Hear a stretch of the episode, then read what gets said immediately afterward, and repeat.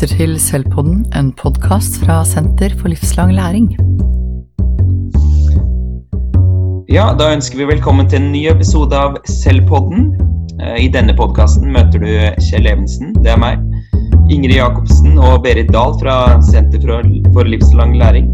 Eh, vi skal snakke om et av verktøyene vi arbeider med i veiledning av kommuner, skoler og enkeltlærere. Og modeller er jo selvfølgelig en forenkling av virkeligheten, eh, og først og fremst et verktøy for å forstå virkeligheten, eller et verktøy du kan, noe du kan bruke i utviklingsarbeidet ditt. Uh, modellen vi skal snakke om i dag, er SØT-modellen. Berit, uh, vil du kanskje fortelle først hva SØT-modellen er for noe? Ja, det kan jeg, gjøre, vet du, Kjell. Hvis vi skal tulle litt, så kan vi jo si at SØT-modellen er veldig søt.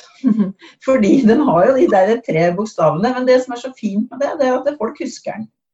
Men hvis jeg skal være litt seriøs, da, og det må han jo være også, så er jo søtmodellen, sånn som jeg ser i hvert fall, en slags type støttestruktur eh, for utviklingsarbeid og for utviklingsprosessen. Um, den er en rigg, den er et tankeredskap eh, som, eh, som, er, som, er, godt å, å, bruke når man skal sortere og jobbe systematisk med utviklingsarbeid. Og så får vi kanskje si hva disse bokstavene står for i denne modellen. da. S-en den står for situasjonen her og nå, samt kanskje noe av det historiske tilbakeblikket. Ø-en står for ønska situasjon, dit vi ønsker å komme med utviklingsarbeidet. Det vil Noen vil kanskje kalle det for et mål. Og T-en i modellen står for tiltak. Dvs. Si, hvordan skal vi komme oss fra der vi er i dag, og dit vi ønsker uh, på kort eller på lang sikt. Um, og så tenker jeg at uh, Det som er så fint med den modellen, her, den er at den kan brukes i flere sammenhenger. fordi du kan bruke den et, led, på ledernivå. Um, og du kan jo bruke den òg som lærer i klasserommet. Og Da er det jo egentlig nærliggende å tenke at den kan kobles opp mot det noen kaller for baklengs da. Eh, hvor skal elevene f.eks. være etter 10. trinn på ungdomsskolen. Eh, så det er en, liksom en sånn anvendelig modell, eller en, en, støttestruktur, som jeg kan kalle det også, da, for å jobbe med, med utviklingsarbeid, eller med læring. Hmm. Ja, eh, og vi, vi, tenker vel også at modellen er veldig dynamisk, da. At nå-situasjonen vår og dermed også den ønska tilstanden vår, den endres jo underveis. Så vi må stadig vekk bruke modellen for å analysere situasjonen vår, og dermed justere tiltakene for å nå den ønska situasjonen vår. da. Det stemmer, og da, og da, er vi jo inne litt på det der med hvorfor bruker vi Altså det er så mange modeller her i, som man kan bruke, og hvorfor bruker vi akkurat denne modellen eh, i jobben? Og, og, litt av stikkordet, Kjell, som du kom med nå, det er jo den dynamikken. Fordi vi tror jo på at et utviklingsarbeid, vi tror jo på at læring på en måte er lite forutsigbart. Vi kan si at vi ønsker å komme et sted, men hvordan vi kommer dit, og hvordan hele situasjonen endrer seg, det må vi jo ta høyde på, for vi kan jo ikke forhåndsprogrammere noe. så Derfor så er jeg enig med deg at det er et godt stikkord det at han er dynamisk. ja. Mm. Ingrid, har du noen eh, innspill til det Vi bruker den jo mye i jobben vår.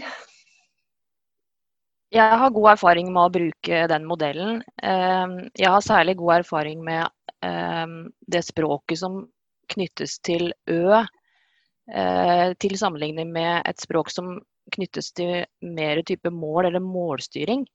Eh, I det øyeblikket vi bruker Ø, så erfarer jeg ofte at Eh, prosessen kan endre seg litt. Fordi at det, det kan være mer lystbetont å beskrive ønska tilstand. Eh, det kan eh, knyttes til noen, kanskje flere typer kreative prosesser.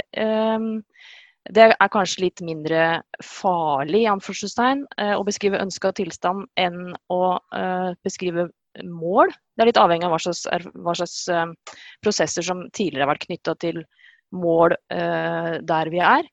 Eh, så jeg liker godt å bruke eh, denne modellen i særlig særlig oppstarten når vi skal møte nye skoler. Oppstarten av veiledningsoppdrag med personale og med ledergrupper.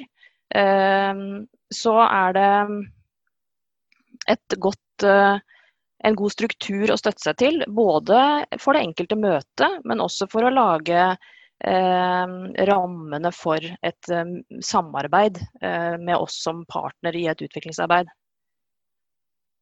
Ja, Det jeg syns jeg erfarer fra mange skoler, og som jeg også hører andre erfarer, er at man Det vet vi for så vidt fra skolen fra før også, at eh, vi har så lett for å hoppe rett på tiltakene.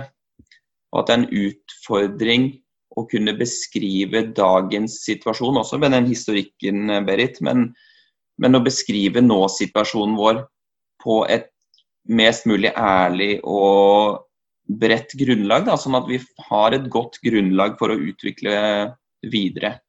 Ingrid, du vil si noe mer? Eh, og det akkurat det du sier der, tenker jeg er et viktig stikkord. Da, fordi at eh, jeg opplever ofte at vi kan tro at vi har en felles eller en kollektiv forståelse av hva som er nå-situasjonen vår.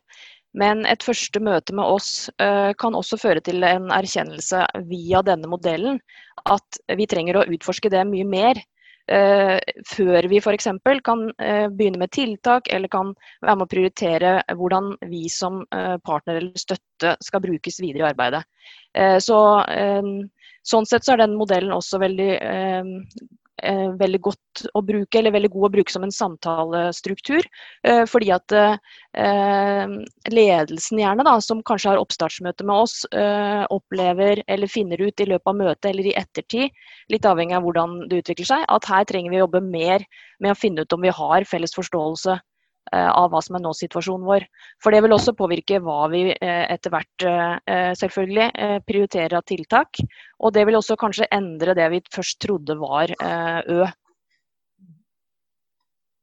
Ja, Berit, kan ikke du ta oss gjennom litt av teorigrunnlaget eller forståelsen vår som ligger til grunn for at vi velger å bruke SØT-modellen? Mm, det kan jeg gjøre, vet du.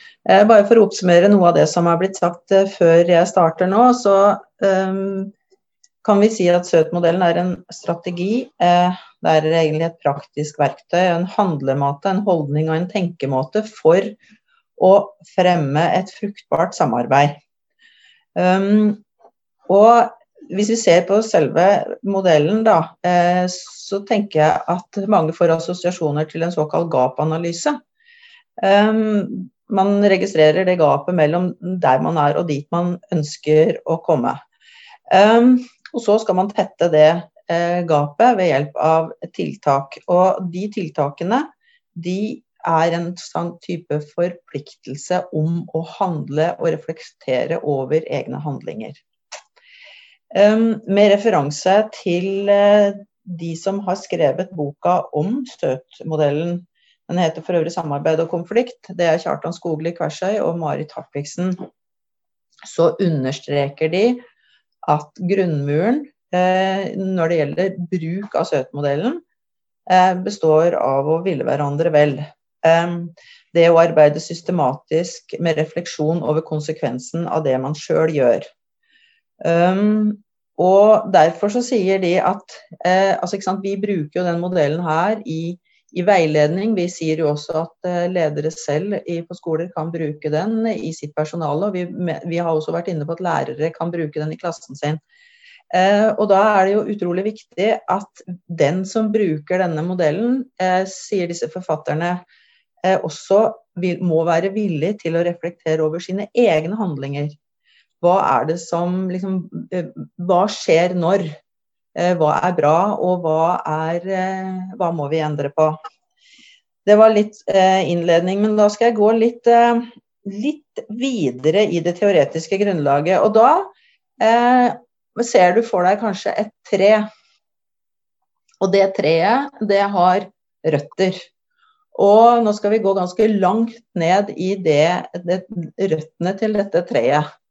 Eh, fordi nederst eh, i aller nederst så ligger det vår oppfatning av verdens eksistens. Nå er vi på teorigrunnlaget, det som kalles for ontologi. Eh, ontologien det legger grunnlaget og påvirker hvordan vi kan skaffe oss kunnskap om verden, og hvilke metoder vi velger. Um, for, og hvordan vi kan få kunnskap om verden, det kalles for epistemologi. Um, fordi det handler mye om hvordan er det vi, vi skaffer oss kunnskap når vi skal jobbe med utvikling eh, på, på, skoler og i, i, veiledning for øvrig. Men nå er vi der. Um, og eh, hvordan vi kan få kunnskap om verden, det påvirker jo vårt syn på hvilke metoder som kan brukes. Eh, hvordan vi legger til rette for læring og utvikling. Og, og modellen, søt-modellen, da, den eh, legger til grunn en subjektivistisk og en konstruktivistisk ontologi. Eh, det betyr egentlig at eh, vi, man tenker at verden må fortolkes. Det finnes ikke én objektiv sannhet. Det finnes ikke en gullklump på en måte som er rein og upåvirka av eh, mennesker, forståelse, sannheten. Det finnes ikke noe som er helt uberørt. Og her i Søt-modellen legger da til grunn den der subjektivistiske og konstruktivistiske ontologien. Og da blir konsekvensen av det at virkeligheten konstrueres i samspill med andre. Verden fortolkes subjektivt. Og da kan vi gå over til selve Søt-modellen. Så egentlig så burde vi jo hatt eh, den foran oss nå, sånn at man så den visuelt sett. Men det kan man jo finne man jo finne andre steder. Men eh, hvordan kan man da knytte Søt-modellen til dette grunnlaget, de, det som liksom ligger under jorda, disse røttene? Um, og da tenker vi på situasjonen S. Vi har jo snakka om den. Den situasjonen, den forandrer seg. Den er ikke lik i fra Eh, skole til skole, sted til sted. Og som du er inne på tidligere, Kjell, så er situasjonen i stadig forandring fordi den er et resultat av utprøving og refleksjon. Um, og Øen, eh, den um, Jeg sa jo at det lå en type gap-analyse til grunn for denne modellen. Og det som disse forfatterne sier, det er at det, i lys av det grunnsynet de har, så har de putta, eller de har putta Ø-en istedenfor M-en som en, et mål. Noen omtaler også denne her modellen for SMT, med M for mål. Mens disse forfatterne de sier at en Ø, at Ø-en er helt bevisst at de har bytta M med Ø, fordi det handler mer om den refleksjonen. fordi med en gang man begynner å å snakke om hvor man vil, og hvilken, eh, hvor man framover hvor man vil, så, så, fremmer det refleksjon. Og det gir også noen eh, tanker om at eh, vi ikke skal nå noen mål effektivt, mest effektivt, som kan måles med f.eks. bare eh, kvantitative eh, måleverktøy. Så Ø-en er valgt pga. Eh, tanken om dialog, om samspill, om refleksjon. Eh, noen kaller det for profleksjon. Det å kunne se framover og tenke seg en, en ønska tilstand. Og I det sier også forfatterne at man tar, griper tak i det enkelte medarbeider og deres ønsker og deres motivasjon. Det er altså eh, en S og Ø er et resultat er at det blir lagt til rette for demokratiske samtaler. Det er altså profesjonsfellesskapet som definerer S og Ø, og ikke rektor alene, f.eks. Um, ehm, så hevder de eh, også at denne type samtale, hvor man reflekterer over eh, situasjonen nå, og hvor man selv ønsker og hva man ser er behovet, det kan spores tilbake igjen til, eh, til Habermas eh, med sin diskursetikk. Og ikke minst Paulo Freire sine tanker om en pedagogikk som ikke skal virke undertrykkende. Det handler om medskaping, det handler om eierskap, demokrati. Og man tenker innenfor det å lære, det er å oppdage sjøl, og oppdage sammenhenger mellom egne handlinger og konsekvenser av dem. Um, og det å stille spørsmål og undre seg og utforske, reflektere og erfare. Um, og, og, her ligger, eh, hører vi John Dewey i bakgrunnen veldig tydelig. Um, og så tenker vi videre også at eh, Kurt Levin, da, Søt-modellen, er, er, tett knytta opp mot, uh, mot aksjonslæring. Kurt Levin han blir jo omtalt som aksjonslæringens forskningen, mener jeg, far. Og han eh, handler om at det ikke er snakk om å eksperimentere på, men sammen med andre. Altså aksjonsforskning, aksjonslæring, er en deltakende og demokratisk prosess som eh, har utvikling som mål. Og medvirkning og medbestemmelse og demokrati er sentralt. Og hvis vi da går tilbake og ser på Søt-modellen, eh, så er den en, egentlig en sånn never ending story. Fordi man hele tiden er i utvikling og i prosess. Og at man da er eh, tenker at man konstruerer sin nye S ved hjelp av utprøvinger og stille spørsmål, dialog og refleksjon. Jeg tenker jo at uh, den modellen her kan man også fint bruke direkte inn i klasserommet. Eh, helt ned til planlegging av enkelttimer. Uh, også de større oppleggene. Da, at det kan være et nyttig verktøy å bruke for å strukturere planlegginga si. Eh, jeg tror at det er en utfordring for mange, hvis vi nå er liksom helt nede på lærer-, planleggings-, så er det en utfordring å tenke på hvilken å konkretisere hvilken kompetanse elevene skal komme ut med hvor vi skal komme på slutten av et emne, på slutten av opplæringen, hvordan kompetansen ser ut. Eh, og kanskje bruken av en sånn modell vil kunne hjelpe til i planlegginga, sånn at man lager tiltak, altså designer undervisning og vurdering på en måte som gjør at man når en ønska tilstand for elevene, en, en, kompetanse på slutten. Så jeg tenker jo at eh, kanskje det ville vært en fordel for lærere i praksis å bruke flere modeller inn og mer teori på den måten inn i sin planlegging av undervisning. Da. Og så tror jeg, og i hvert fall er mitt inntrykk at lærere kanskje Eller vi snakker ofte om det her på leder, leder og regionsnivå, øh, kanskje med skoleeiere. Og så har vi litt mer utfordring å komme i posisjon med lærere eh, knytta til denne her jobbinga.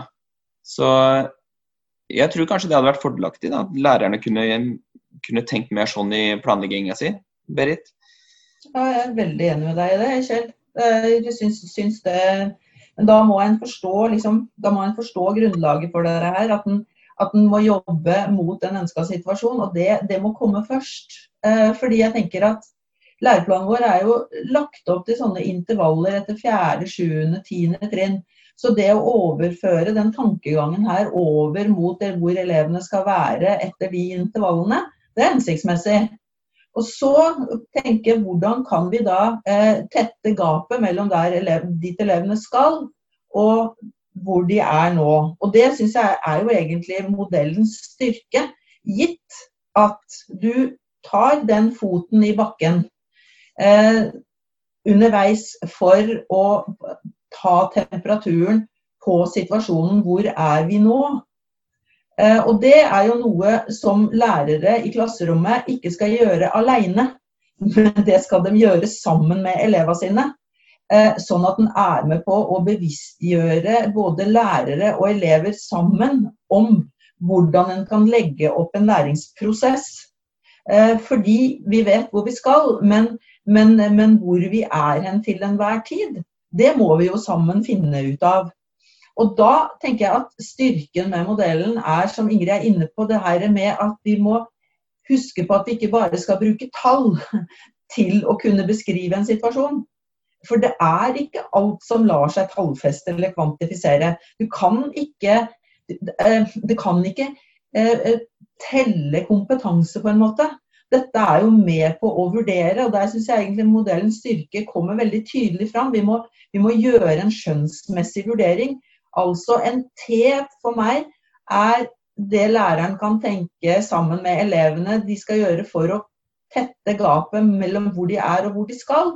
Men da må man jo også finne ut er vi er vi på rett vei. Altså må vi sette en fot i bakken, zoome ut og snakke om hvor er vi nå. Og da, når man vet i forhold til hvor man skal, så vil jeg tenke, da tenker jeg at den modellen her veldig fint kan brukes i klasserommet sammen med elevene. Kobla opp mot eh, medvirkning, altså at elevene er med og, og, justerer sin egen læringsprosess og egen kurs sammen med læreren. Mm. Mm. Ja, og jeg tenker at Fordelen som Ingrid sa om den modellen, er at den er enkel i bruk. Du kan du kan gå dypt inn og du kan jobbe grundig og lenge med modellen, men du kan også bruke den som et hendig verktøy i hverdagen din for å planlegge undervisning. Vi vet jo at lærerne har nok å gjøre. Uh, det er hektisk hverdag. Um, og Da spørs det jo hvor realistisk er det at lærerne skal sette seg ytterligere inn i tungt teorigrunnlag for å rekke å planlegge neste ukes undervisning. Da. Så jeg tenker jo at da, hvis man får denne tankegangen litt under huden, så Eh, kan man bruke den på alle nivåer i skolen, egentlig, eller alle nivåer av utviklingsarbeid. For det her er jo egentlig ikke begrensa til skole. Eh, nei, det er ikke begrensa til skole, men eh, det er særlig der vi som snakker sammen nå, har henta erfaringene våre fra, da, tenker jeg. Så får jeg noen refleksjoner når dere snakker nå også om at modellen i hodet mitt henger godt sammen med Eh, planleggingsverktøyet til UDIR også, med disse tre spørsmålene med, med hva, hvordan og hvorfor. Eh, og den, den, egner seg også til å tenke, sånn som Berit er inne på, eh, i læringsprosesser. Den egner seg også til, til å tenke på utviklingsarbeid i faser. Sånn at og det kan være vanskelig når det er hektisk i hverdagen å ta seg tid til å stoppe opp, evaluere, diskutere hvor er vi nå. Men, men kan modellen gir en hjelp til det også. Eh, sånn at eh, eh, jeg deler absolutt tankene deres om sambruk både i utviklingsarbeid for lærerne og som direkte, til direkte bruk i klasserommene.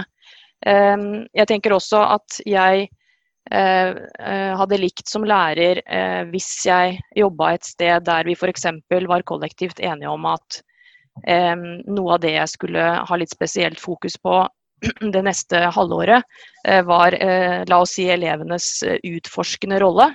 Og at vi sammen som kollegium er enige om at det skal vi jobbe med for, på vår skole i så og så lang tid framover. Vi, vi, vil utfordre elevene en, i en annen rolle enn det vi tidligere har sett. Og Det gjør noe med hvordan vi som lærer legger opp undervisninga òg. Eh, så hvis jeg har med det blikket inn i alt mitt planleggingsarbeid, eh, altså hva vi kollektivt er enige om eh, som Ø hos oss, så tror jeg at det går fint an å koble utviklingsarbeidet for alle inn i min konkrete bruk av f.eks. planleggingsverktøyet. For da, da setter jeg det fokuset på mine planer. Berit, hadde du lyst til å kommentere litt? Ja, for det, eh, det, er jo alltid sånn når man sitter og snakker sammen, så får man refleksjoner som Ingrid, som Ingrid er inne på også. Og så tenker jeg at da, det, det, som slo meg nå, det var jo at det er en god måte å skille underveis og sluttvurdering på også. Eh, fordi at hvis vi tenker Ø-en, da, eh, så, så, er jo sluttvurderinga reservert for 10. klasse. Eh, så den vil jo si at alt det som skjer ifra man starter og opp dit, det er liksom det jeg kaller på Det er underveisvurdering, men det kaller jeg læreren som trener, da. Så den, den sier jo også veldig tydelig at uh, når vi er, hvis vi tenker 10. klasse, da, og hvor elevene skal være helt til slutt, så jo så, så kan en jo til og med visualisere disse to rollene som, som læreren har, som trener og som dommer. Eh, så Det òg er jo en sånn, liksom bare for å understreke eh, viktigheten av at alt som skjer ifra eh, fra man starter og helt opp til Hvis vi bare snakker grunnskolen nå, men det samme er jo videregående skole-prinsippet, det skjønner sikkert dere som hører på også, så handler det jo mye om at gapet skal tettes ved hjelp av god trening og god veiledning osv. At vi liksom sier litt om om den læringsprosessen som vi er inne på, da, som handler om vekst og utvikling. Det er liksom den tanken jeg hadde bare lyst til å, å hive inn da, når jeg sitter og hører på Ingrid og, og deg, Kjell. Mm. Ja, ikke sant. Man får veldig mange gode refleksjoner av å høre på andre snakke. Og når du snakker sjøl, så, så utvider, du også, utvider, du også, din egen forståelse underveis. Da. Så jeg tror at eh, å sette av tid til det i utviklingsarbeidet sitt uten å gå rett på tiltakene, er fornuftig. Da, um, da lurer jeg på Unnskyld. Nei, bare fortell bare. Jo, nei, altså jeg, liksom bare, jeg har bare lyst til å understreke det, for det sier du og det sier Ingrid, og det tror jeg ikke vi kan si for ofte. At vi må, vi må ta timeout eller sette på bremsen sjøl også for å ikke gå på tiltak for tidlig. For det har vi jo virkelig erfart så mange ganger at da kan du rett og slett bomme på tiltakene dine fordi de er ikke i overensstemmelse med egentlig det som situasjonen krever. Og det tror jeg vi, tror jeg vi må bare understreke viktigheten av. Da. Mm. Og for å understreke det en gang til, så tenker jeg det her med å planlegge for mange tiltak, kanskje særlig i samarbeid med oss fra et UH-miljø altfor tidlig i en prosess, eh, kan også være med på å hindre reell medvirkning eh, fra lærerne. Og akkurat det samme skjer i klasserommet hvis vi lager altfor rigide planer. Eh, hvis målet er, og det er det jo, at elevene skal involveres i alle ledd i en sånn prosess. Og det samme med lærerne. Vi vet alt om hvor viktig det er med forankring av utviklingsarbeid og, og involvering i, i, en tidlig fase, så, så, er dette med å hoppe på tiltak eh, for tidlig, det kan være med å ødelegge mange gode prosesser. Eh, så det, vil jeg bare, det må jeg understreke, at dette her henger veldig tett sammen. Eh, nå har vi snakka en del om eh, hvordan vi bruker SØT-modellen i praksis og grunnlaget bak. Men opplever vi noen utfordringer ute i praksisfeltet knytta til arbeidet med SØT-modellen, Berit? Ja, det kan være fint. fordi at hvis du, hvis du tolker SØT-modellen som noen tolker Bibelen, så kan du jo bli veldig bokstavelig. Og så kan du jo lage, du lage en, en, ø da, som er så rund at du, og en sånn diger sekk så alt kan, kan liksom ramles oppi der. Eh, men så tenker jeg at det er jo en verdi i seg sjøl å vite hvor du har lyst til å dra hen. Men da blir jo vår, blir jo vår um, innsats sammen med de som eier øen, da, og pakke det ut. Hva er det vi egentlig mener? Hva er det vi tenker hvis vi sier at alle elevene skal ha et eh, så optimalt læringsmiljø at ingen opplever mobbing f.eks. eller et eller annet. Vi, vi må jo så, så, så, svakheten i modellen er kanskje det at du kan, du kan hamre opp en Eller sette opp en Ø, da. Um, som blir for stor og som blir for unyansert. Jeg ikke, Ingrid, det, var sikkert noen, Vi har jobba mye med det, så vi har vært i mange sånne situasjoner. Hva tenker du om, om, om det der med Ø og utpakking og sånn? Jeg syns jo at uh, ordbruken din, Berit, som, uh, som, du er inne på nå med å pakke ut Ø sammen med dem, og pakke inn situasjonen, eller S, gir god retning for min del. Og så er det jo ofte sånn når vi kommer ut at vi bruker modellen innafor en type paraply eller et noe avgrensa tematisert område.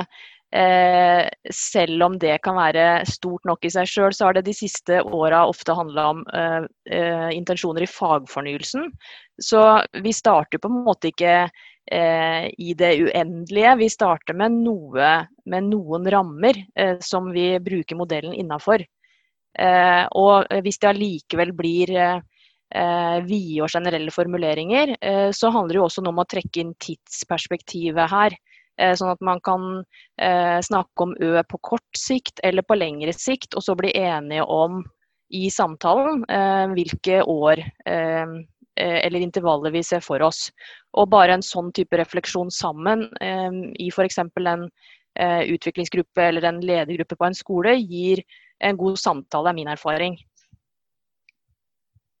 Ja, og en utfordring sånn sett. Eh, det kan også være på, på um, enkeltskolenivå at uh, noen skoler ønsker seg jo kanskje å jobbe med alt, ikke sant? men de har, de har, mange områder de trenger å jobbe med. og så kommer vi kanskje inn med å hjelpe til i konkretiseringa, så ender det kanskje ut med at vi skal jobbe med tverrfaglighet f.eks.